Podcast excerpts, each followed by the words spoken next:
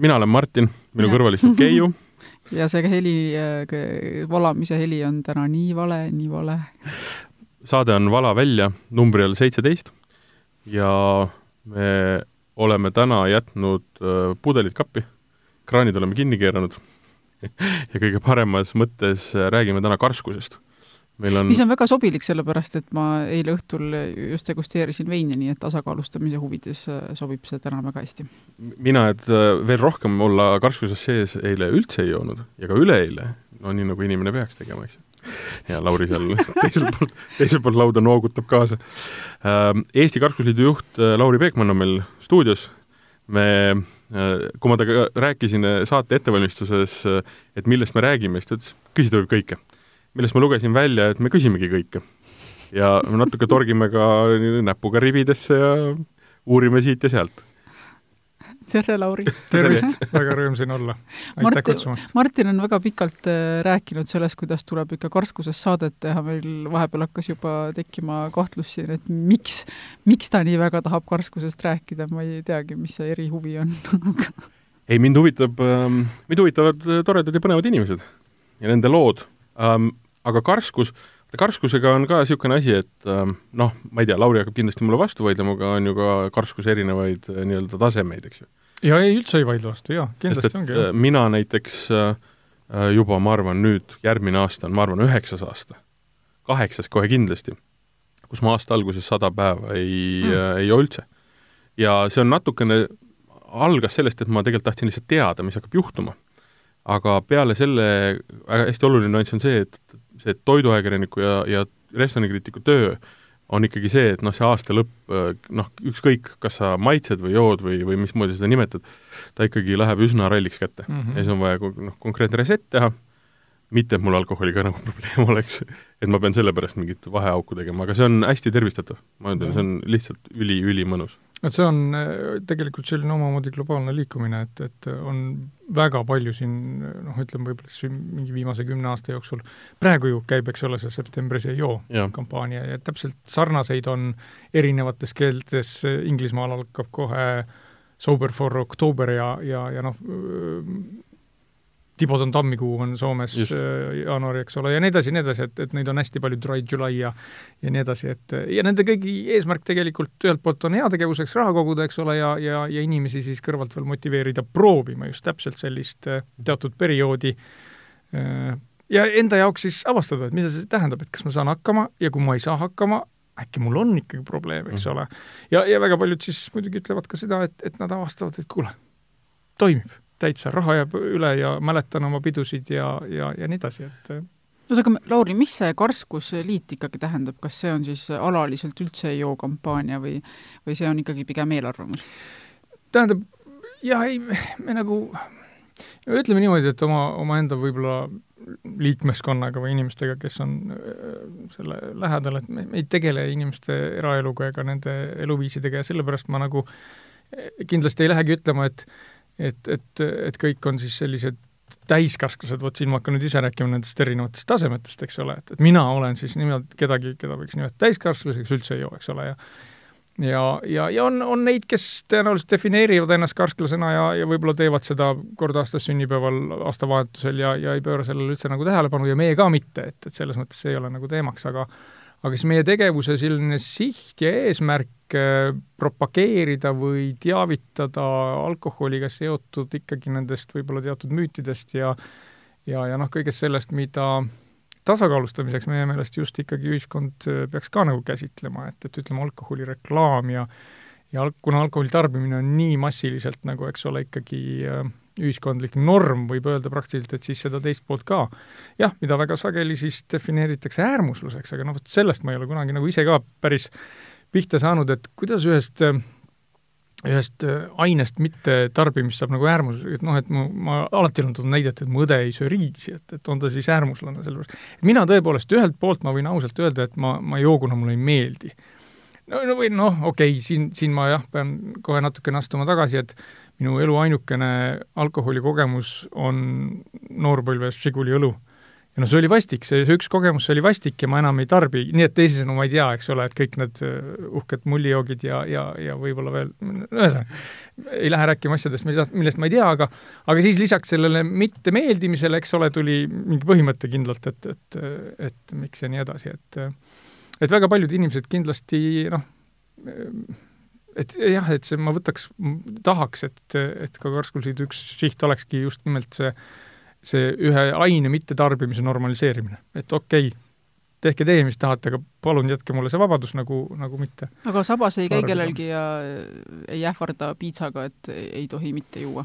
mitte ei, keegi? veel kuskil. kunagi teinud, et, et jaa, ei ma, selles mõttes me oleme ikkagi äh, realistlikud ja, ja aru saame, et noh, et äh, ühiskond, vaba ühiskond ja nii edasi, et ikkagi alkoholi tarbimine on äh, lahutamatu osa ja, ja, ja normaalne, et, äh, et selles mõttes me ei, me ei püüa nagu saavutada mingisugust alkoholivaba Eestit siis, et kui võib-olla mõni kuulaja mäletab, et meie organisatsioon oligi kunagi nimetatud AVE, alkoholivaba Eesti, et, et siis me muutsime oma nime ajalooliselt tagasi Eesti aga koduleht on siiski Jätkuvalt, nime. kuna noh, see kena naisterahva domeen sa, just täpselt, et see nagu läks kenasti niimoodi, rahvale jäi, jäi meelde ja eks siiamaani meid niimoodi ka nimetatakse paljude poolt. ma mõtlen seda, et ma hakkasin just mõtlema, et kas ma olen kunagi olnud olukorras, kus ma nii täpselt praegu tajun seda liblika tiivalööki, kui sa just ütlesid, et sa jõid Žiguli õlut esimesena mm. ja see oli sinu esimene ja viimane kord mm., kuidas see liblika tiivalöök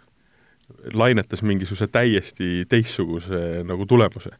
et kui seal oleks olnud tõesti mingisugune väga hea vein Eks või ole. tõsiselt vinge, nagu, nagu sa ütlesid, mullijook, oleks see kõik võinud olla absoluutselt teistmoodi.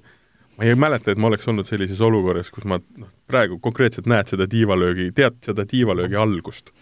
vot siit, siit aga nüüd kooruki siis juba lahti see, see probleem ühelt poolt tänapäeval nii-öelda alkoholitööstusega meie jaoks et, et alkoholitööstus on, on ikkagi siin viimaste aastakümnete jooksul teinud ikka nii hiiglaslikku tootearendust millega ongi ära eemaldatud tegelikult see barjäär, mis oli, ütleme, lastel, noortel, alaealistel, eks ole, ja, ja võib-olla ka naistel, et ütleme, naiste jaoks ikkagi see, need alkopopside turule toomine ikkagi suurel määral see siht, ehk laiendadagi seda, seda ja noh, võib-olla tuleb meelde, eks ole, A Le Coqil oli kunagi kampaania või mõte, et, et, et õlu ei ole ainult meeste jook ja nii edasi, et et väga sihipäraselt on saavut-, püüdud, püütud nii-öelda laiendada oma, oma sihtrühmi ja ja, ja see reaktsioon seega, mis siis minul kunagi oli, eks ole, et alkohol oma naturaalsuses noh, on ikkagi selline eemaletõukav, kui mm -hmm. sa mhm. es esimesena laps noorena, eks ole, ma olin tõesti varateismeline üsnagi, et, et tänapäeval on see eemaldatud nii-öelda, võib siis öelda ehk mm. -hmm. ja, ja noh, siin ma näen juba, juba olulist probleemi kui ähm, karskusliikumisest Eestis rääkida, kui palju või kuidas seda üldse defineerida, et kui palju inimesi ennast karskeks mm. Eestis peab? Jah, noh, see defineerimine on küsimus, aga, aga Konjunktuuriinstituut, kes siis Sotsiaalministeeriumi ja Tervise Arengu Instituudi nagu tellimusel seda iga-aastast uurimust teeb, siis tarbimisnäitajate kohta ja, ja, ja inimeste suhtumiste kohta ja siis küsib muuseas ka seda, et, et kuidasmoodi ja kes ja nii. Ja, ja väidetavalt ta siis viimased aastad siin kõigub sinna-tänna, aga ta keskmiselt kuskil kolmteist protsenti ühiskonnast on, ehk teisisõnu siis kaheksakümmend, äh, kaheksakümmend seitse või niimoodi, eks on, on tarbijad ikkagi valdav, valdav enamus. aga see kolmteist on siis need, kes nagu väidavad, et nad tilkagi ei võta? no vot see, see jääb mulle ka natukene siis ebamääraseks ja, ja noh, ega ta tegelikult, kui tähtis ta siis on ja, ja kas see tõenäoliselt hõlmab ju ka neid, kes on pikaajaliselt võib-olla tarbinud ja, ja kas hilisemas eas või haiguse tõttu või mis eales, et et see muide on ka üks huvitav, huvitav asi, et kui, kui juba nii palju on ju räägitud ikka sellest punase veini kasulikkusest ja nii edasi, need uurimused, mis siis kunagi sellise järelduseni jõudsid, hõlmasid siis mittetarbijate nii-öelda kontrollrühmas ka neid, kes olid varemalt olnud tarbijad ja oma tervise võib-olla sellepärast ära rikkunud. Ja vot sellepärast need uurimised nüüd ongi teadlaste poolt ka tugevalt nagu äh, kriitikatule all läbi hekseldatud, et et tegelikult noh, seal ei hinnatud eluaegseid mittetarbijaid mõõdukate tarbijatega, vaid, vaid siis neid inimesi, kes siis võib-olla tõepoolest olid varemalt ka liigtarbijad lausa olnud ja, ja ma arvan, et ka tänapäeval, eks ole, selle kolmeteist protsendi seas võivad olla väga palju alkohoolikud, kes, eks ole, igapäevaselt tunnistavad, et nad ju võitlevad ja püsivad püüavad püsida kainena. siinkohal tasub muidugi meenutada kuulajale, et kui igasuguste numbrite kohta tahta natuke rohkem teada, siis muuhulgas me tegime juulikuus ka saate alkoholipoliitikast, kus meil käis üle külas äh, Laura Aaben, siis meil oli ka natukene jutuks neid numbreid. aga mina tahtsin vahepeal teada seda, et, et äkki sa võiksid, Lauri, visandada meile põgusalt selle karskus, no nüüd juba tahan öelda selts, sest ma tahtsin öelda, et et kuna seltsina see sai alguse kunagi aastal tuhat kaheksasada kaheksakümmend üheksa. jah, no tähendab erinevad seltsid siis jah, tead, kuidas mm -hmm. see, kuidas see karskusliit on siis, millised need põhilised etapid on olnud, mis on läbi teinud, kõigepealt oli selts, olid Tõnissonid ja muud tegelased mm, -hmm. mis edasi sai? Ja mis olid need eesmärgid toona ja kuidas see on muutunud? nüüd esitasin hästi palju küsimusi korraga, mida ajakirjanik teha ei tohiks, aga noh, palun väga. jah, ajalugu on suur ja vägev ja ega ma jah, väga detailselt ei ole ka ise võimeline, et ma ise olen alati oodanud ja lootnud, et ajaloolased rohkem sellele tähelepanu, sellele leheküljele nii-öelda meie ajaloos tähelepanu pööraks, sest Karskusliit on mänginud tähtsat rolli, et et see oli tegelikult siis tsaari ajal, kui, kui, kui Eestis loodigi terves Vene tsaaris, Saarimaal esimesed karskus, karskusseltsid ja vot tollel ajal tõepoolest tõenäoliselt tõenäoliselt ikkagi kasutati ka neid sellise isamaalisuse muudeks tegevusteks ja, ja, ja selle kattevarjus natukene, et seal Pärnumaalt nad pihta hakkasid ja siis tõepoolest nagu nagu vihma ajal seeni hakkas tekkima igas külas praktiliselt, tegid laulurühmasid ja, ja tantsurühmasid ja pidasid raamatukogusid ja nii edasi ja ja, aga jaa, juba siis seal vabariigi ajal Tõnisson ja Villem Reimann ja, ja kõik sellised suured kuulsad nimed, kes äh, kes sellega seotud ühel ja teisel moel olid, et, et noh, Nõukogude ajal kõik elati ära, eks ole, ja ja, ja karskusliikumine samamoodi, eriti kuna ta oli otsus suurel määral ka sellise isamaalisusega alati seotud. et, et seega pimedal, pimedal okupatsiooni ajal midagi sellist ei toimunud, kuid kõik kuulajadki mäletavad kindlasti Gorbatšovi ajal hakkas mingisugune teistsugune liikumine, millel oli nagu Need, see sama ahah, jah, ja teised on kuulnud, aga kuulnud tõenäoliselt palju müüte võib-olla, et väga palju ikkagi räägitakse sellest kui läbinisti läbikukkunud katsetusest, noh, väga karmid sellised seadused kuulutati välja ja, ja, ja omamoodi ta peaaegu kuiva periood justkui oli. ja inimesed mäletavad, noh, vot siin ma väidan siis müütiliselt, et, et noh, et viin oli tegelikult ämbriga talus nagu laua peal.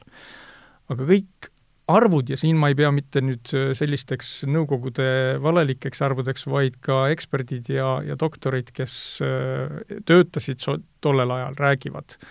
Äh, Airi Värnik näiteks ühe väga tunnustatud ja, ja austatud eksperdina, et kõik need alkoholiga seotud näitajad kukkusid seda on uuritud mitte ainult siis Nõukogude sees, Nõukogude Liidu riikide sees, vaid ka väljaspoolt, et kuidas, kuidas see, see efekt tegelikult oli ehk alkoholi kättesaadavuse vähendamine ja ja, ja kõik see ikkagi üldiselt noh, reeglina alati toimib, et loomulikult teatud nii nagu Ameerikas äh, keeluseaduse ajal mingisugused vastulöögid iseenesestmõistetavalt olid, aga, aga üldiselt oli ta efektiivne. nüüd, mis ta vast kõige rohkem halba tegi, oli see, et karskust hakati äh, samastama nõukoguliku mentaliteediga, eks ole, et see on ikka see keelu ja värk, et ülevalt öeldakse, mida me teha tohime.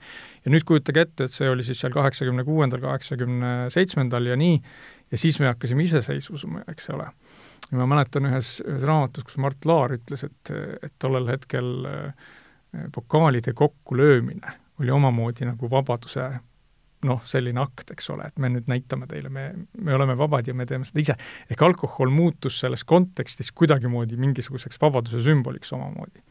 ja üheksakümnendatel, no ja siis loodigi taas või taaskäivitati Eesti Karskusliit ka ja ja tasapisi ta hakkas liikuma, ma arvan, et loodeti, et me saame jätkata sealt, kus ta enne sõda nagu lõppes, aga see loomulikult enam võimalik ei olnud, et ühiskond ikkagi on muutunud inimeste tahe kuuluda kuskile organisatsiooni oli hoopis teine ja siiamaani vast ei ole päris see, eks ole, noh, ainuke koht, kuhu sa kuuluda said, oli partei ja, ja nüüd, kui hakati siis avama erinevaid uksi ja öeldi, et pange oma nimi alla ja, ja kuuluge kuskile, siis see päris niimoodi ei ja no üldse ikkagi see arusaamine karsklusest ja no just ka selle võib-olla ühe põhjusena, mis ma just mainisin, et, et kuna ta oli niisugune nõukogulik omamoodi Maik Mann, et siis äh, noh, seda, seda ei tahetud, ehk teisisõnu, üsna pea vist avastati, et ikkagi samamoodi me ei jätka, et me oleme ikka palju väiksemad. aga mis, põhjenda või selgita seda, et et mis oli see, mil, mis, mis lõppes äh, nii-öelda Nõukogude aja algusega ja mis oli see, mida loodeti jätkata siis kaheksakümne üheksandal aastal? no ühelt poolt kindlasti see rahva liikumine lihtsalt, see mass, et, et inimesed tulevad ja ja, ja, ja noh, et, et samamoodi hakatakse nagu äh, vägesid liigutama, et, et noh, see, see, see kindlasti üldse ei, ei, ei tulnud edasi, probleem oli palju suurem, kui enne oli.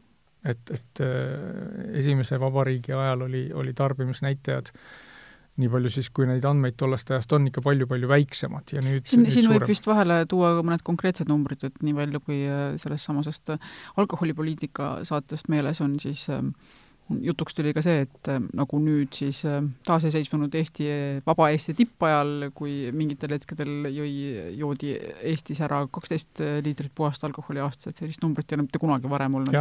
neljakümnendatel kuni seitsmekümnendatel oli see arv hoopis kuskil nelja kuni viie liitri peal, ehk siis äh, sageli peaaegu kaks kuni kolm korda väiksem mm. -hmm noh, eriti seitsmekümnendatel tõenäoliselt, jaa, ma olen üldiselt nõus, aga et, et, et, et see statistika võib-olla veidikene küsitav, eks ole, on, et kui palju kui palju võib-olla teati ka seda salaalkoholi tollel ajal ja nii edasi, et aga aga nii ta on, et, et selgelt me, me, me nii-öelda oma vabaduse tuules ja noh, arusaadav, just täpselt, et, et kui ka üheksakümnendatel kõik läks ikkagi vabaks, eks ole, siis, siis see kõik hakkas äh, plahvatuslikult kasvama. ja alkoholipoliitika kui selline muidugi tuli vaikselt kaasa, sest jälle seesama mõte, et ei saadud ju omamoodi selle Gorbatšovi mentaliteediga jätkata, et, et üldiselt ikka turg pidi olema vaba ja ja, ja turg kasutas ka seda vabadust igati, igas, igastahes ära. aga ma küsin selle, kas Karskusliit on täna siis pigem niisugune think tank? Kui sa ütlesid, et, et noh, et te ei käi, noh, ja mis on tegelikult ka mhm. ebanormaalne mm. ja arusaadav, et ei käi mööda kõrtse ja, ja tänavat inimestele sabas ja ei räägi sellest, kuidas paha-paha, et juua ei tohi, äh, versus see, et noh, et ta ei ole enam nii-öelda see suur äh, seltsing või liikumine, kus inimesed kokku tulid no,. mis sa... te seal üldse teete? ma saan aru, et teil on umbes, mainisid, umbes poolsada inimest no, on teil vist nimekirjas, jah? et sa mainisid ka enne seda, et äh, noh, e-, esimese Eesti ajal noh, tegemist oli, seal olid nii-öelda tantsugrupid ja, ja teatrigrupid ja tehti, noh, see oli seltsing, inimesed käisid mm -hmm. koos äh,, olid kained ja tegid põnevaid asju. palju klubilist tegevust, jah. et täna see ju tegelikult nii ei ole.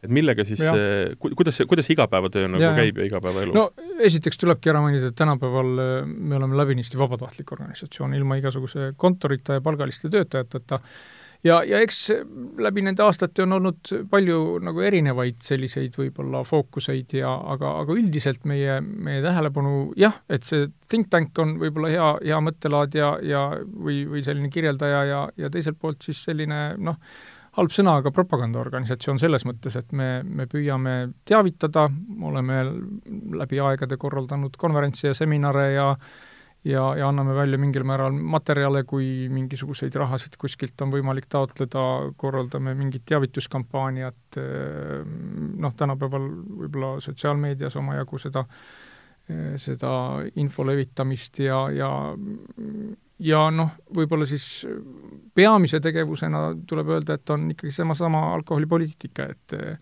me oleme erinevate rahvusvaheliste selliste võrgustiku liikmed, Euroopa Alkoholipoliitika Allianss ja, ja Põhjamaade Baltikumi alkoholi ja narkopoliitika võrgustik, kes, kes samamoodi siis nii-öelda keskenduvad ikkagi sellele äh, tõendatult kõige efektiivsemale ennetusmeetmele, ehk siis alkoholipoliitiliste meetmete rakendamisele, et, et selle propageerimine on olnud meie nii-öelda fookuses läbi, läbi pikkade aastate. kui palju siis... sõnal jõudu on üleüldse, kas te olete sellega kuhugi ka välja jõudnud äh, reaalselt inimeste juurde, kes otsustavad? jaa, noh, inimesteni oleme kindlasti jõudnud, mina ei läheks kindlasti nüüd ütlema, et üks või teine asi juhtus tänu meile. ma arvan, tagasihoidlikuks ei, ei, ei taha jah, ma vahetevahel kuulan, kuidas kuidas erinevates valdkondades seda nagu tehakse, et tähendab, mida ma arvan, mis meie saavutus on, on olnud, on see, et me oleme suutnud hoida teemat pildis ka nendel aegadel, kus justkui keegi ei taha sellest rääkida.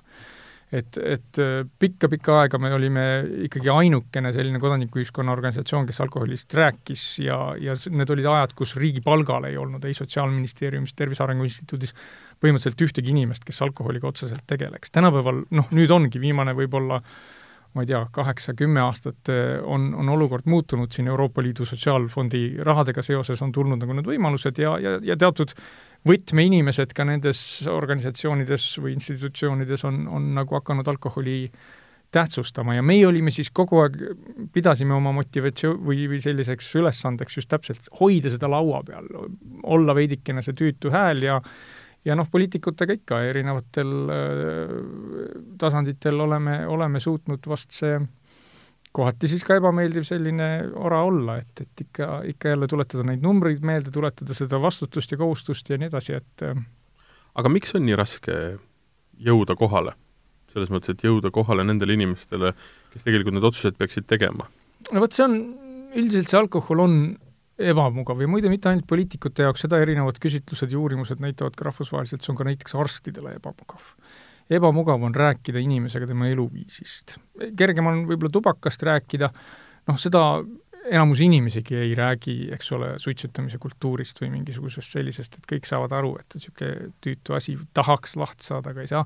aga vot alkohol on asi, mida valdav osa tarbijaid peab nagu selliseks positiivseks osaks, eks ole, ja, ja, ja noh, siis selles kontekstis ütleme, isegi arstidel on, on võib-olla raske hakata inimeselt küsima, et kuidas sul joomisega on, eks ole, et ja, ja noh, poliitikud, meil on jah, ma mäletan ühte vestlust ühe, ühe poliitikuga, kes ütles, et, et noh, et kuna ta õhtul läheb ise, avab külmkappi, eks ole, ja võtab pudeli õlut, et siis tal on raske nagu poliitikuna nüüd päevatööl seda teemat käsitleda, see, see teatud tema meelest silmakirjalikkus.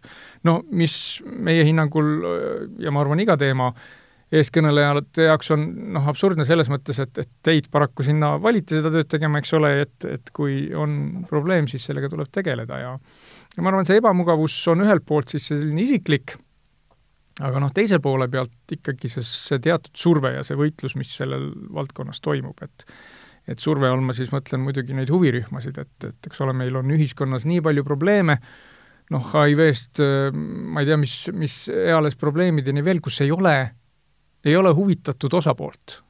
põhimõtteliselt kõik tahavad lahendada, eks ole. aga vot siin on üks väga suur ja väga rikas osapool, kes äh, tahab olla pidevalt lauas iga kord, kui sellel teemal räägitakse, ja tahab kindlalt äh, maksma panna selle, et, et need meetmed, mis vastu võetakse, oleks neile suurel määral nagu vastuvõetavad, eks ole. kas me räägime ühest äh, L-tähega Eesti alkoholitootjast? ei, mina ei läheks ühte esile tooma äh, tema ka kindlasti ja, ja aga, aga sa hetkel mõtlesid sa nii-öelda üldiselt alkoholi, seda... alkoholitööstus kui sellist mm -hmm, ja mm, -hmm. ja, ja võib-olla mitte isegi ainult ka tänapäeval alkoholitööstus, vaid, vaid ka, ka reklaamitööstus tegelikult ja, ja, ja, ja muidugi edasi kõik, kes, kõik, kes meie maksa, maksavad raha teeninud. ma siinkohal ikkagi meenutan, et meil on olnud täiesti ka Päevalehes intervjuusid, kus alkoholitootjad ütlevad, et welcome to Estonia märgiks sobiks kenasti odavam alkohol. et selliseid asju ikkagi öelda öeldakse päris no päris suuresti välja ka. ettevõtjale on keeruline ette heita seda, et ta tahab teenida kasumit ja müüa oma toodet. hästi loogiline, et ja. nüüd lihtsalt peabki olema ja no kuhu ma, mis, mis mulle tekitab nagu hämmingut, ongi see, et et sinu jutust kõlab läbi, et see on ikka meeletu valehäbi tegelikult.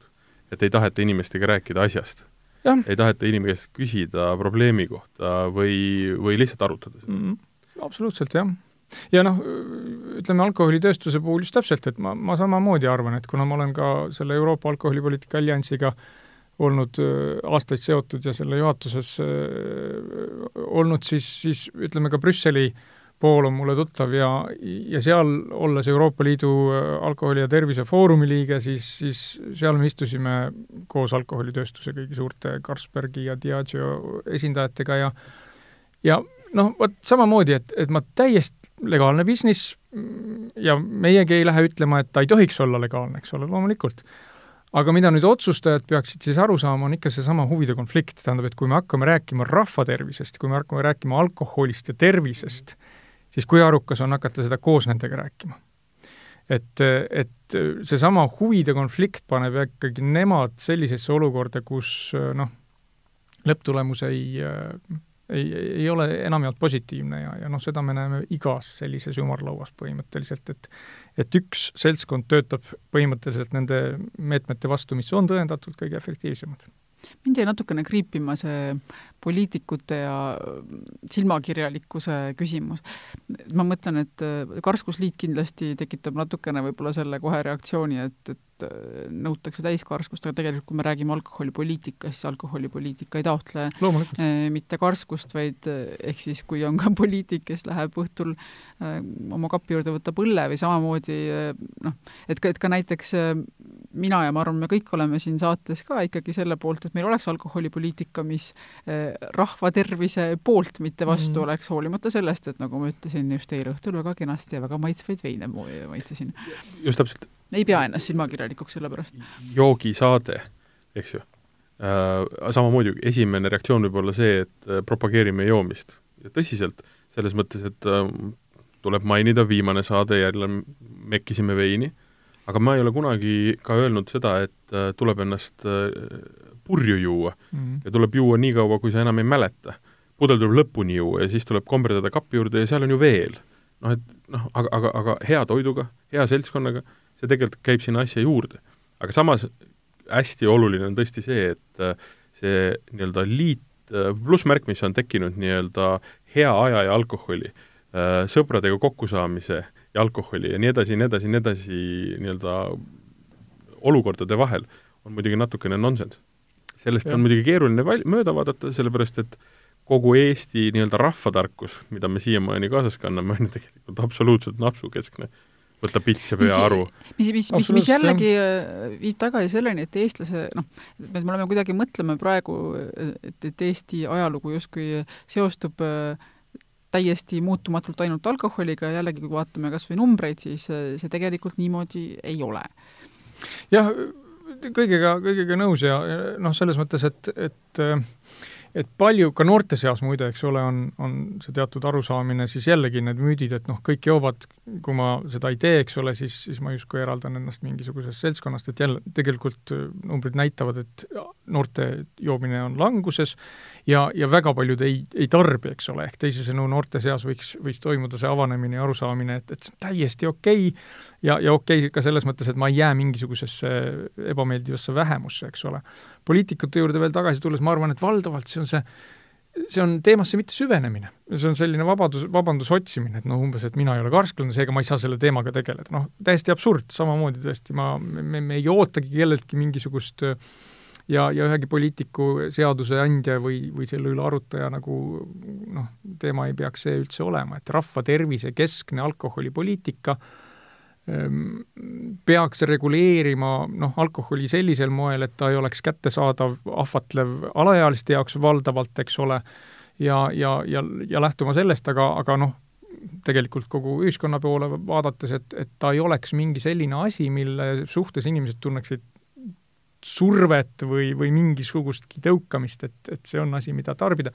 tähendab, et, et vabadus ka meie nüüd vaatenurgast, eks ole, peab olema, aga ei saa selle juures ära unustada, noh, mis tootega või mis asjaga on tegemist, et tegemist on kantserogeense ainega, kahtesadat erinevat haigust põhjustava ainega, sõltuvusainega, ainega, mis raseduse ajal tarvitatuna tekitab eluaegseid sünnikahjustusi ja, ja nii edasi, et noh, vot need negatiivsed koledad asjad, eks ole, et see info peaks tarbijatel alati ka olemas olema.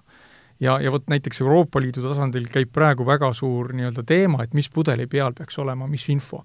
et alkohol, toit, toiduainete rühma kuuluv, eks ole, toode on vabastatud senimaani Euroopa Liidus kohustusest mingisugust informatsiooni avaldada.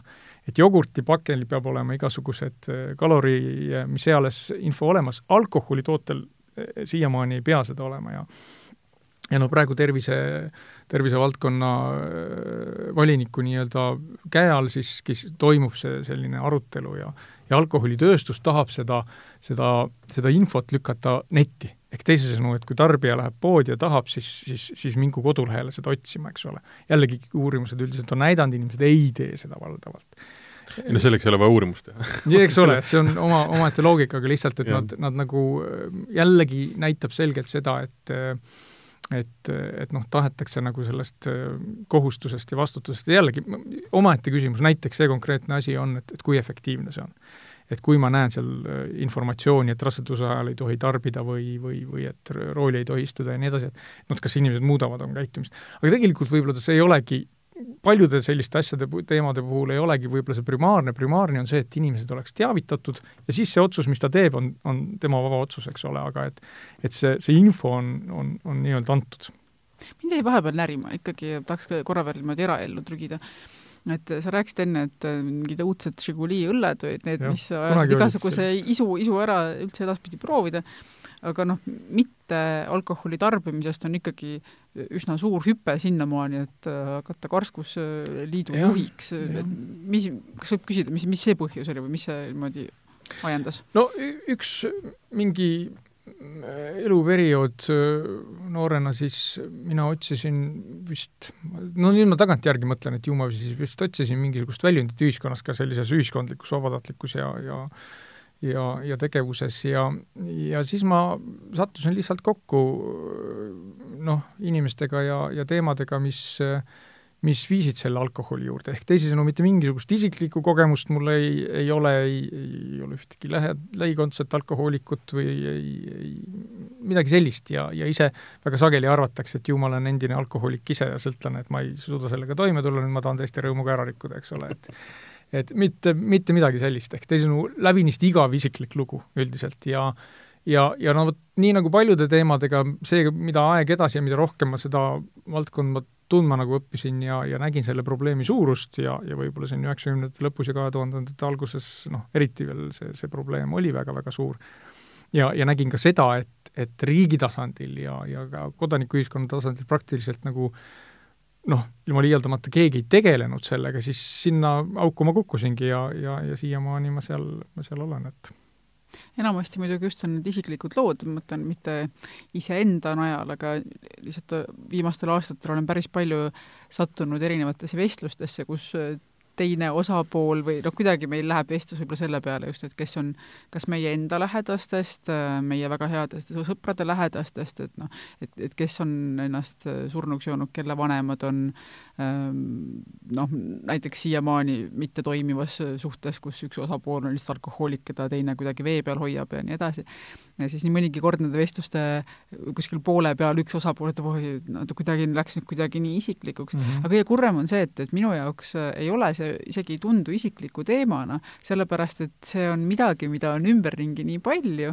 ja, ja peaaegu kõigil tegelikult, et noh, sinul on tõesti hästi läinud, kui sinul ei ole niisuguseid lähedasi, aga, aga enamasti noh, ikkagi enamik inimesi no, suud, suudab, suudab kohe ühe loo kuskilt väga-väga lähedalt rääkida, mis on ikkagi rikkunud ära inimeste eh, elusid, eh, ma arvan, võib-olla veel järgmiseks paariks põlvkonnaks. jaa, kindlasti, selles mõttes jällegi statistiliselt, eks ole, et kuna valdav enamus inimesi alkoholi tarbib, siis, siis eh, nii-öelda sellises statistilises võrdluses on, on alkoholi tarvitamisega seotud surmad ja äh, ja, ja õnnetused ja haigused nagu kordades suuremad kui, kui narkootikumide tarvitamisega seotud õnnetused või, või et, et lihtsalt kuna see tarbimine on nii palju suurem, eks ole, ehk, ehk teisisõnu jah, tõesti, et igas seltskonnas ja igas tutvusringkonnas kindlasti keegi on, või keegi, kes maadleb selle probleemiga, kelle jaoks ei ole enam valik, ei ole enam äh, nii-öelda, vaid on sõltuvusega tegelemine ja sõltuvus ei ole kunagi midagi meeldivat, eks ole et noh, jällegi üks teema, mis meie jaoks on olnud ka probleem ja, ja,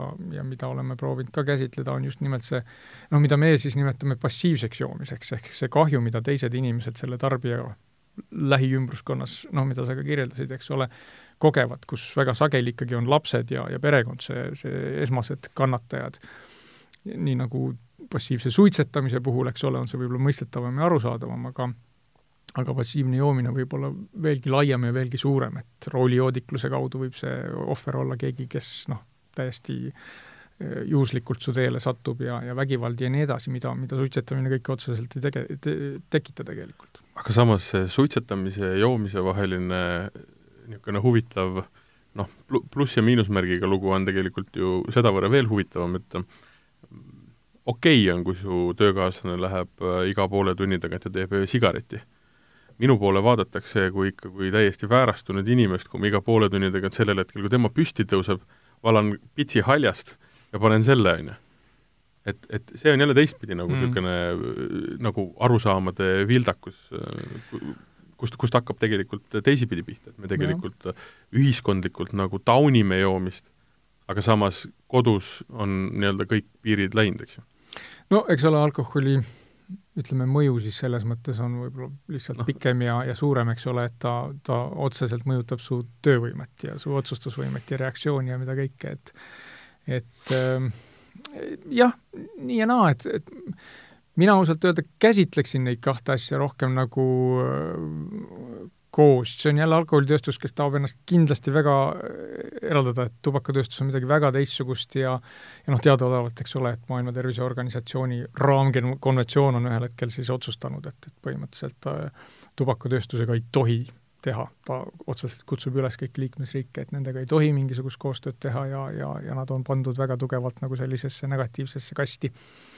Aga et see kahju ulatus jällegi, kuna, kuna tarbijaskond ka suitsetamise puhul on nii palju madalam ja, ja, ja tegelikult nagu languses ja see on valdkond näiteks, kus Soome on vastu võtnud seadusandluse, mille sihiks on aasta kaks tuhat kolmkümmend või nelikümmend, ma ei mäleta täpselt, saada tubakavabaks maaks päris ametlikult, eks ole, noh, tõenäoliselt isegi nende defineerimisel see ei tähenda absoluutset eh, suitsetajate nullseisu, aga et ühesõnaga see, see siht ja, ja suund on selline, aga et et, et noh, sellist võib-olla siis silmakirjalikkust jällegi, no loomulikult, eks ole, kõik see, ütleme, see silmakirjalikkus on ikka sellesse teemasse sisse kirjutatud, kuna see puudutab inimesi, inimeste käitumist, inimese valikuid.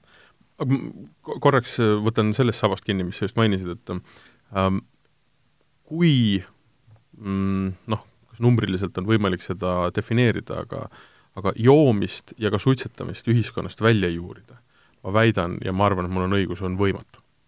Me ei ole, me ei ole, me ei suuda teha sada protsenti alko- või sada protsenti tubakavaba ühiskonda, aga mis see piir on, mis võiks olla see absoluutne madal, kust me suudaksime äh, mõõdame seda alkoholi puhul siis liitriga, et mis, oled, on, oled sa seda nagu ise uurinud või on seda uuritud, et mis on see absoluutne madal punkt, ehk see nii-öelda nullpunkt?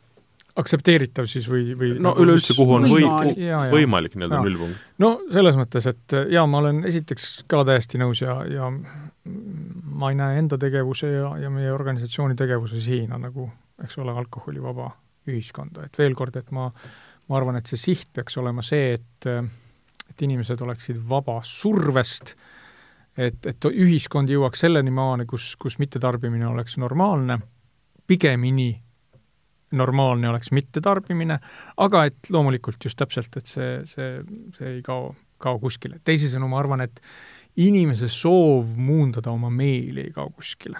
ja isegi kui suudetakse alkohol ära kaotada, tuleks miski muu ja, ja noh, tulebki alati kogu aeg, eks ole, ja need legaalsed, illegaalsed aseained noh, on alati nagu pildis olemas, aga aga nüüd see, see pi-, noh, eks ole, maailmas on riike, kus ei tarbita religioon. see ei ole muidugi päris tõsi, eks ju. Eh, no ütleme niimoodi, et see, see on väga-väga-väga väike, et, et see, et nüüd ütleme, muide nii-öelda jällegi WHO ametlike andmete kohaselt eh, maailmas tarbib umbes ainult viiskümmend protsenti elanikkonnast nii, statistikasse võib suhtuda kriitiliselt ja peabki suhtuma kriitiliselt.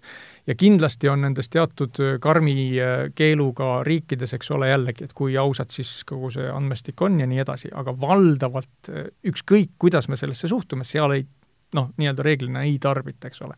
nii, ma arvan ka ja, ja loomulikult ükski kuulaja ei tahaks meid samastada nüüd mingisuguse äh, äärmuslu-, äärmusliku islamistliku ühiskonnaga näiteks või, või selle propageerijana, kindlasti mitte nii. teisisõnu, kui me nüüd vaatame vaba ühiskonda, siis kuhu võiks siis, kuhu siis võiks liikuda või mis võiks olla sihtmärk ja, ja sellisel juhul ma tooksin nii-öelda võib-olla näidetena kaks riiki, milleks on, milleks on ühelt poolt Põhjamaadest kas Island või Norra ja lõunamaadest Itaalia, mis on läinud üsnagi erinevat teed mööda ja jõudnud peaaegu samasesse olukorda, ehk keskmine tarbimine ühe elaniku kohta on kuus liitrit umbes, absoluutalkoholi. noh, meie oleme praegu kümne juures, olime seal kunagi, eks ole, kaksteist, kolmteist peaaegu, ja, ja Leedu on praegu seal kuskil neljateist-viieteist juures ja nii edasi, nemad on kuue juures.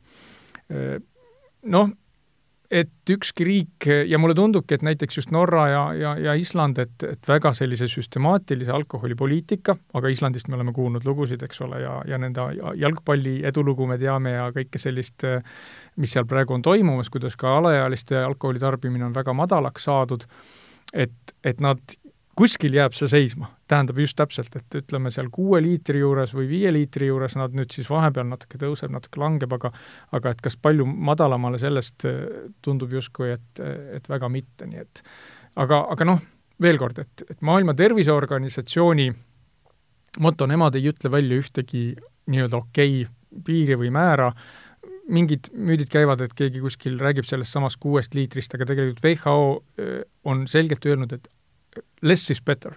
ehk teisisõnu, alati ükskõik, milline tarbimine on, vähem on parem. ehk et, et, et ka nemad on nii-öelda rahvatervise vaatenurgast välja öelnud, et ei ole riskivaba kogust rahvatervise vaatenurgast ja, ja seda nagu peaks siis sellest kontekstist ütlema, et, et, et alati on tegelikult vähendamine on, on, on parem ja see ongi nagu kõik see, selles mõttes see selline siht aga tasub vist siiski üle rõhutada just nimelt selle eristuse keelamise ja vähendamise vahel, et kui sa neid islamiriike mainisid, siis eelmisel aastal käisin just Iraanis ja et, et no ega see ei ole ju kena, et seal ikkagi äh, noh, vähe on neid, kellele selline keeldude poliitika, ükskõik, kas see puudutab siis äh, riideid, usku või, äh, või alkoholi, kellele see päriselt äh, sellisel kujul meeldiks.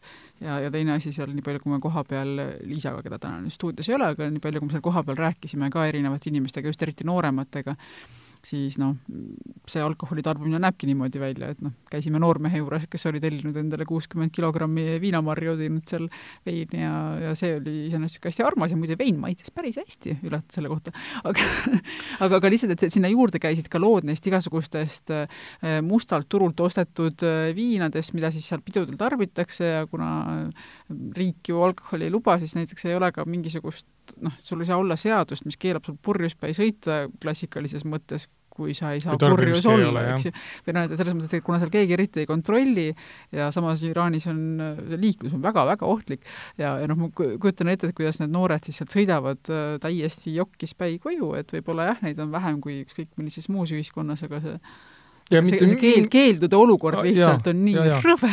absoluutselt ja mitte mingil moel ei, ei propageerima seda nii-öelda ideaalina või, või ei, ma lihtsalt kirjeldasin, et, et, et nii-öelda maailma, eks ole, pilt on ei, väga lai. ma saan aru, mulle tundub, et need on asjad, mida võib, tasub üle rõhutada mm, -hmm. et sellepärast need asjad kipuvad omavahel minema segamini, kui oota, aga kui ma võin siin kom kommenteerida mm -hmm. lihtsalt seda keeldusid ja käskusid, meie diskussioonis Eestimaal ja poliitikute diskussioon väga sageli äh, alkoholipoliitika reguleerimist võetakse kokku keelud ja käsud noh, mida ma pean sihipäraseks nii-öelda keeleliseks manipulatsiooniks ja, ja mm. mille huvirühm ta, tundub, et jällegi on, on keegi sellest huvitatud. kui me räägime vanusepiirangust, eks ole, noh, ühelt poolt võib öelda, et ta on keeld, aga kes seda ei toetaks? eks ole, või seda, et purjus inimene ei, ei, ei tohiks roolistuda, jällegi, kes seda ei toetaks. aga kui me räägime reklaami piiramisest või kättesaadavuse või kellaajalisest poes tähendab, see ei ole keeld, eks ole, kelleltki ei keelata juua või alkoholi osta, kes on selleks legaalselt nii-öelda mõeldud ja, ja lubatud.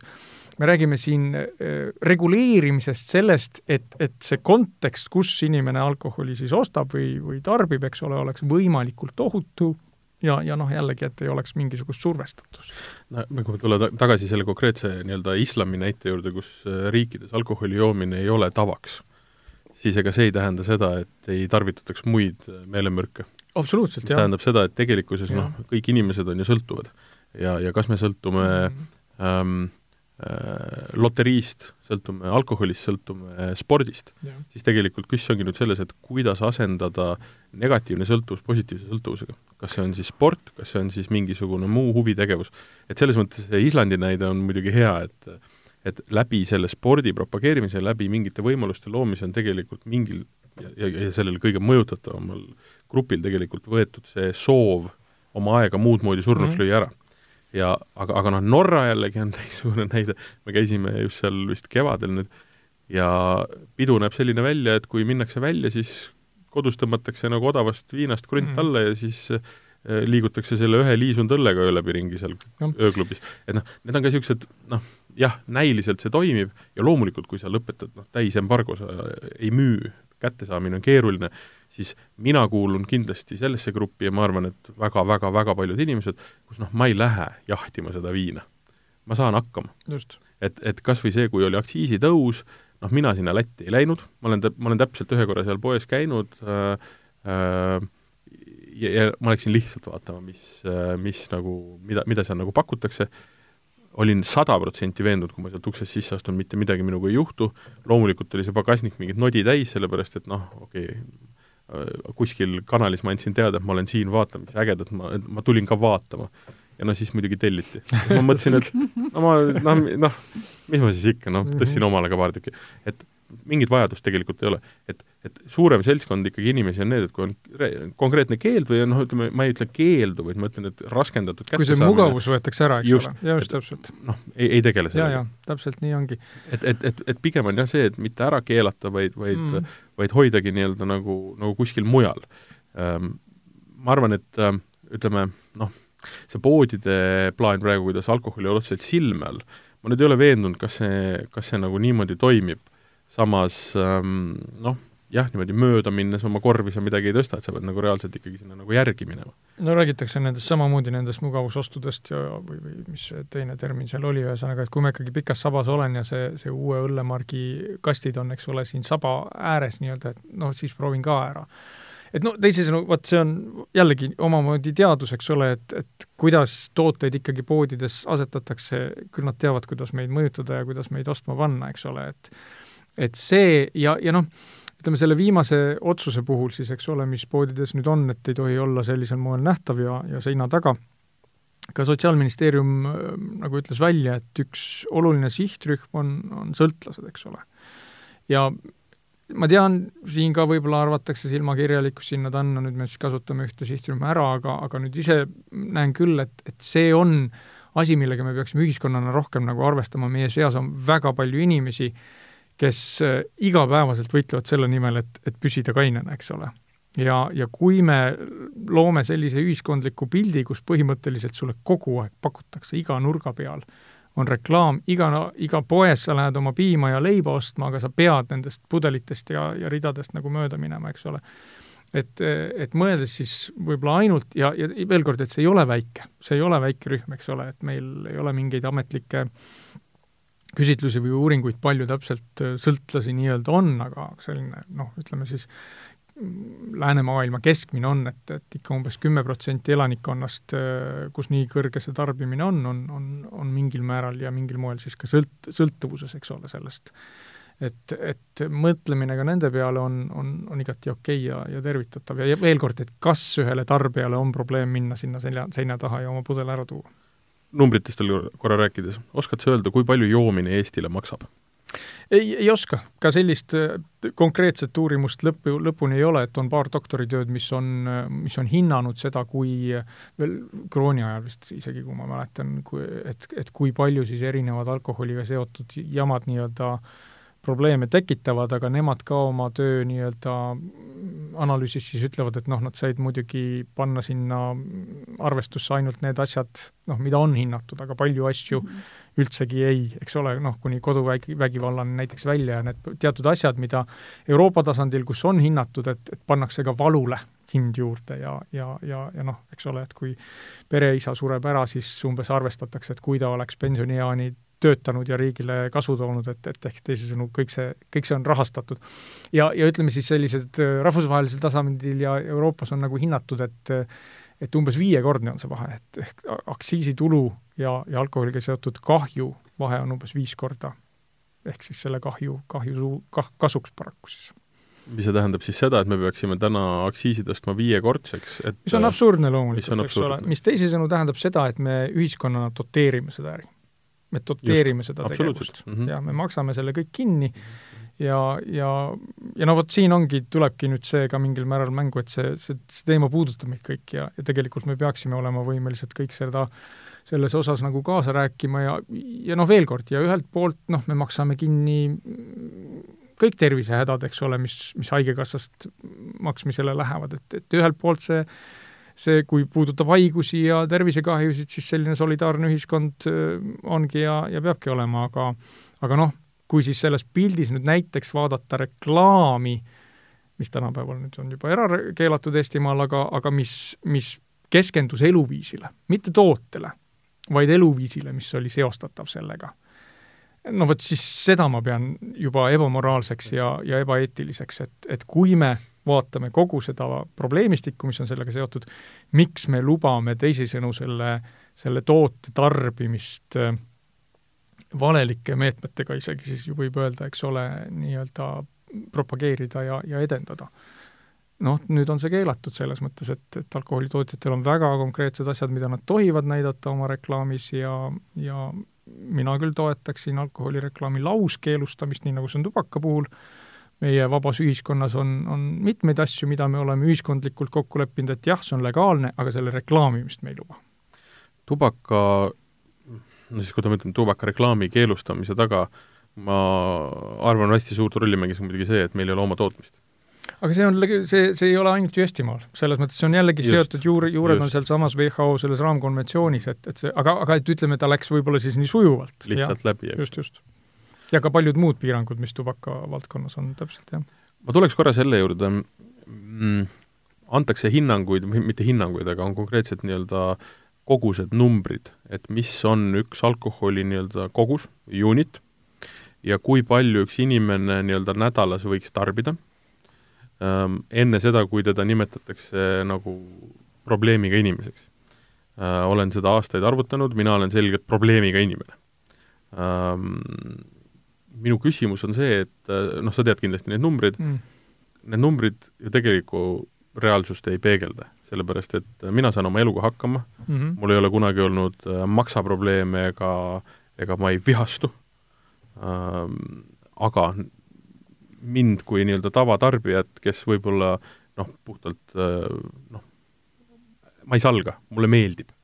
Ja küsimus ei ole nagu purjus olemises mm -hmm. ega see alkohol, vaid mulle meeldib hea vein ja selle maitse, mulle meeldib hea õlu ja selle maitse, hea kokteil. ja, ja, ja, ja kuidas see on tehtud, see alkeemiline ja ütleme puhtalt toiduaine tööstuslik nagu protsess seal taga. aga et noh, need numbrid on ju tegelikult äh, reaalsusega natukene paigast ära või, ja, ja, ja alustada üldse sellest, et kuidas need numbrid on tekkinud? jah äh,, täiesti äh,, täiesti mõistan ja, ja ma lühidalt vastaksin kohe sellele, et need numbrid ei peagi selles kontekstis reaalsusele vastama.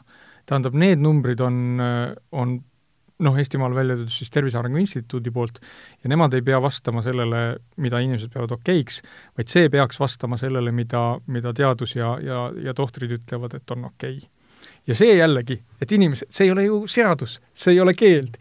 Meil ei ole piiri, et näete, sinul on äh, nädala kogus ostetud, sa juurde ei saa, eks ole. lõppude lõpuks see jääb iga inimese lõplikuks otsuseks ma tõepoolest osalesin ka nendes ümarlaudades, kui äh, neid välja mõeld-, noh, nii-öelda või, või kehtestati ja, ja loomulikult see, see realismi ja, ja see argument oli seal laual ja juba tollal hetkel mina nagu äh, küll seisin või andsin oma hääle ka sellele mõttele, et, et, et noh, see ei, tegelikult ei peaks antud kontekstis nagu, nagu väga oluline olema, et ehk teisisõnu siis, et mida suurem liigtarbimine ühiskonnas on, siis see piir tõuseb, eks ole, noh, ühelt poolt ma saan aru, ei saa nõuda inimestelt rohkemat, kui nad nii-öelda on vastuvõimelised võtma, aga, aga samas, kui me räägime noh, arsti nõuandest, siis see peaks olema ikkagi nii-öelda ehe ja, ja, ja põhjalik e,. Viimase aja, noh, mis viimase aja, viimaste aastate sellised tegelikult karskushääled on olnud vähiinstituudid ja, ja vähiteadlased ja nemad ütlevad väga selgelt ei ole olemas riskivaba kogust. Ka üks ühik alkoholi päevas näiteks tõstab naiste rinnavähi riski märkimisväärselt, et, et selles mõttes see, see, see otsene seos seitsme erineva vähivormiga on, on, on selgelt olemas. nii, jällegi, eks ole, see üks ühik ei tapa iga tarbijat, kes, kes seda konkreetselt tarbib, aga see informatsioon peaks inimestel olemas olema mm. -hmm. uurimused näitavad seda näiteks, et, et noh, uurimus Suurbritannias, kus on tehtud, et kümnest seitse inimest ei tea alkoholi ja vähi vahelist seost. ja väga sageli, kus ka mina äh, rääkimas käin või, või seda teemat käsitlen, inimesed üllatuvad, et kas, kas tõesti, eks ole, tubakas, vähk, selge, arusaadav, aga alkohol ka.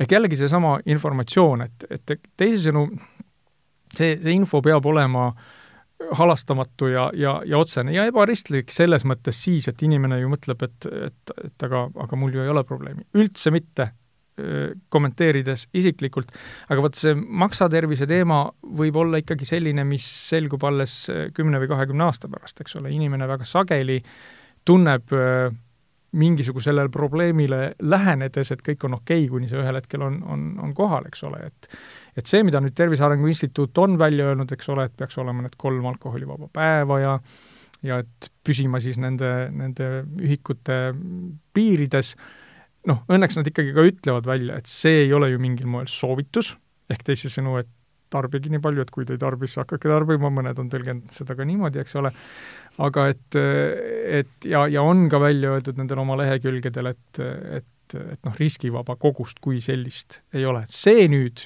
mis nii-öelda vastab realismile, noh selle, selleks peaksid nagu mingid teised kampaaniad ja, ja asjad olema, ma arvan ja mul lihtsalt äh, tuli meelde lugu mehest, kes viiekümnendate keskpaigas läks arsti juurde ja selgus, et maks on läbi. ja inimene oli väga nii-öelda ühiskondlikult heal positsioonil, eluga hästi hakkama saav, head palka saav pereisa, äh, ja mil-, mi-, mi-, mi-, mida siis äh, nii-öelda selge, üks vestlus arstiga nagu avaldas, oli, avastas, oli see, et ülikooli esimesest kursusest ehk siis circa niisugune noh, ütleme, mitte päris nelikümmend aastat, aga ütleme, kolmkümmend viis aastat, on mees praktiliselt äh, nii-öelda religioosselt iga päev lõuna kõrvale joonud ühe õlle mm. -hmm. Ja, ja noh, see toob kokku nii-öelda selle, seob kokku sellesama, mis sa ütlesid, et ja. üks asi, et ei ole riskivaba kogust, aga teine asi on see, et mõjud hakkavad tulema välja mitte nagu homme-ülehomme, vaid tõesti nagu kahe-kolmekümne aasta pärast. ja see võib olla väga selline jah, hiiliv ja, ja, ja vargsi, et noh, jällegi võrdluses siis tubakaga, eks ole, et kui tubakas võib võib teatud mõttes teha seda kiiremini, nar-, narkootikumid üldse, eks ole, laiemalt, et et siis, siis alkoholi mõju võib olla äh, selline, selline jah, aeglasem, aga samas, eks ole, et need paljud erinevad kahjud, ütleme selline sotsiaalne kahju, eks, eks teisisõnu, äh, üks kord ennast purju juues võid sa sattuda liiklusõnnetusse või, või kaklusesse või mis iganes, et, et noh, see, see ampluaa on nii suur. aga samas teisipidi nüüd ma lähen nii-öelda Norivasse poolde mm -hmm. ja ütlen lihtsalt selle, et ähm, aga, aga mis see meie ja sinu asi on? et ähm, vaba ühiskond, me oleme selle eest võidelnud, verd valanud ja, ja palju tööd teinud et las joovad. kui õige. joovad, siis joovad ja õige küsimus, jah. voolevad maha, noh, matame ja lähme oma eluga no, edasi. matame, maksame, matame siin on vist natukene see probleem, et, et kui äh, iga inimene iseennast surnuks jooks ja, ja niimoodi mm -hmm. sellega asi lõpeks, oleks üks asi, aga mm -hmm. kui see inimene äh, sõidab minust äh, purjuspäi roolis üle või või tuleb mulle kallale, siis ma arvan, et ma pisut pahandan, kui veel on mind, kes võiks pahandada. jah, et see, see kahju, mida ma siis nimetasin, eks ole, passiivseks joomiseks, see jällegi, jälle sellised suured äh, rahvusvahelised analüüsid näitavad et, et, et viiskümmend protsenti alkoholiga seotud kahjudest on kogetud kellegi teise poolt kui mitte tarbija ise, eks ole, siis teisisõnu see on umbes selline fifty-fifty, et, et see ulatus on väga suur.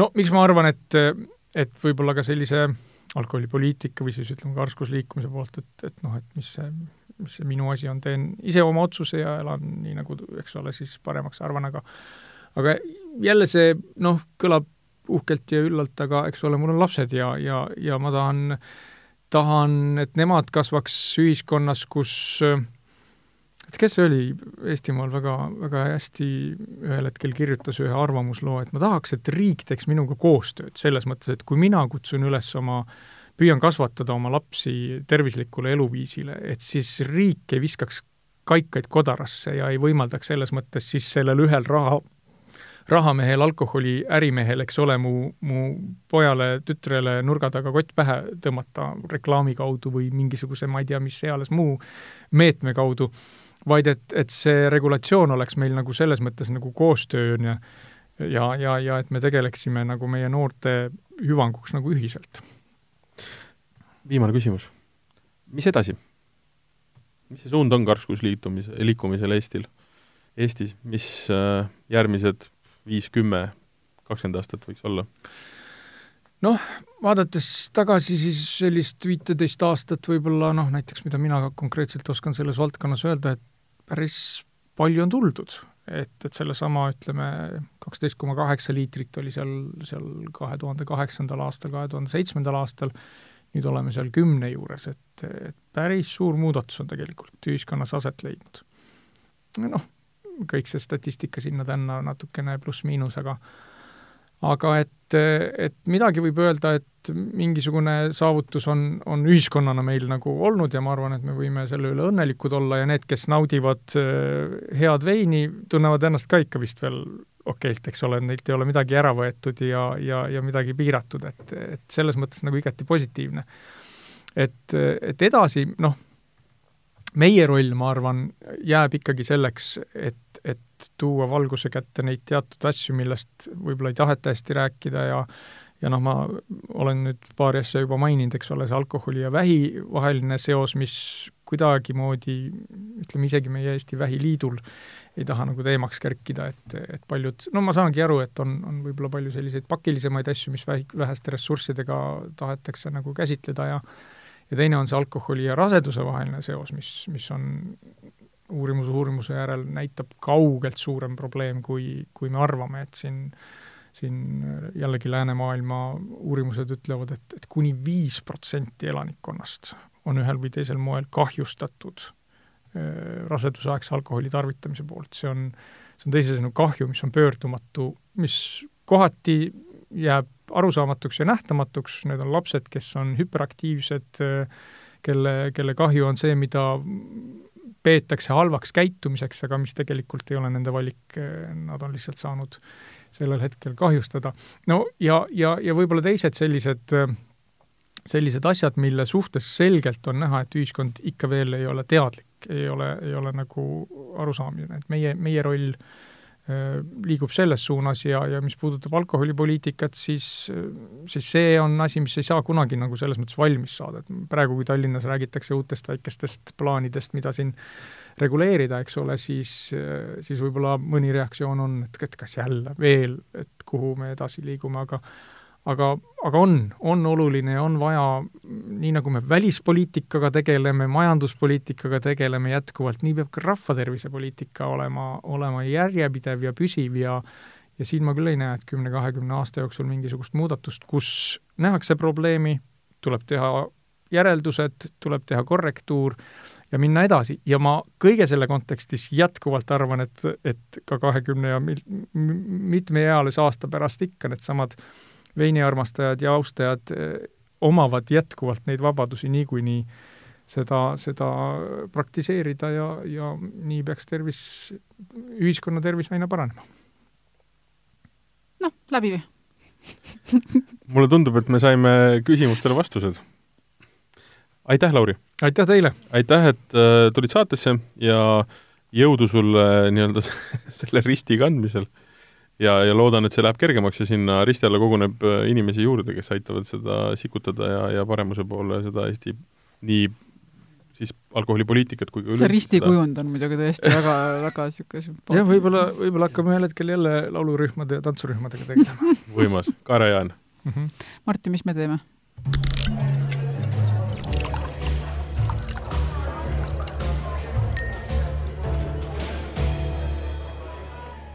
Mis me teeme, mis me teeme, tõmbame saate otsad kokku. kas me jagame lubadusi järgmisteks kordadeks ka? jagame, lubadusi tohib ikka jagada siis vaatame, kas teostada kannab. mis me lubame? no mina ei julge nüüd küll välja öelda seda mis, mis me järgmist saadet teeme. selge, mind on pandud jälle tanki, selge, ma luban välja kaks asja. ma luban esiteks välja selle, et meie järgmine saade olgem ausad, me teeme jänesehaake võimaste, võimaste sammudega meie järgmine saade on viinakuu saade ja me hakkame testima, pimedestima erinevaid viinesid. teeme seda kultuurselt, teeme seda ausalt ja üritame leida siis parima selle joogi, mida maitsekalt oma siis nii-öelda viina, viinakuu õhtute, õhtusöökide juurde, kui on tarvidus ja vajadus äh, kergelt mekkida. kvaliteet, kõigele... kvaliteet üle, üle mahu alati. ja kõigele lisaks me ei usalda vaid iseennast selles äh, asjas, vaid äh, näis, kas on veel seltskonda tulemas, aga, aga loodame kohata siin Toomas Tiiverit, kes on muuhulgas kirjutanud ka suurepäraseid raamatuid napsist ja teab sellest nii mõndagi. tema peaks, tema peaks teadma ja tema oskab ka kirjeldada kümme korda, kui mitte sada korda paremini kõike seda, mida ta klaasis kas nina või, või keelega tunneb. vaata, mina tahan küll teada, mida paganat saab selle viina puhul ki-, kirjeldada üleüldse um,. Kas sa ei õppinud mitte midagi veesaate, veesaatest? vesi maitseb palju paremini. vesi maitseb palju paremini, aga vesi maitses erinevalt, kui nad panna kõrvuti, oli erinev maitse veel, mis oli ju Nõmmelt, mis oli Piritalt, mis oli kesklinnast. viinaga on umbes samamoodi, seal on nüansid, ma, sa, sa saad huvitava kogemuse omani-, omanikuks ja osaliseks. meil üks saade on tegelikult, ma ei tea, vaikselt oleme veel mõelnud, eks ju? me oleme mõelnud tegelikult rohkem saateid ähm,. no liiga palju ei maksa ka ära anda. anna siis sina see teine ära. No me oleme vist natukene siin niimoodi ebakindlalt lähenen mõelnud selle peale, et rääkida, kuidas jooke ise pudelisse panna, me oleme seda põgusalt eh, varasemates saadetes ka puudutanud, meil on käinud stuudios näiteks Annele Känd ja rääkinud, kuidas kõige parema, eh, issand, mis seal oligi, memmemusi või memme, memmemusi oli selle nimi, jah. kuidas see saada pudelisse, oli väga hea. aga nüüd vaatame, kas nende veinide ja muude asjadega, kuidas neid siis sinna panna see on meie kolmanda saatejuhi Liisa teema ja tema tuleb ka selleks kindlasti saatesse. aga tema nii-öelda definitsioon minu arust sellele saatele oli see, et mida oma koduaias saab panna pudelisse. mis on spetsiifilisem, aga, aga veel, veelgi ägedam. et marju on palju ja meil on isegi nii-öelda silmapiiril paar inimest, kellega me võib-olla tahaksime sellest rääkida mm. -hmm.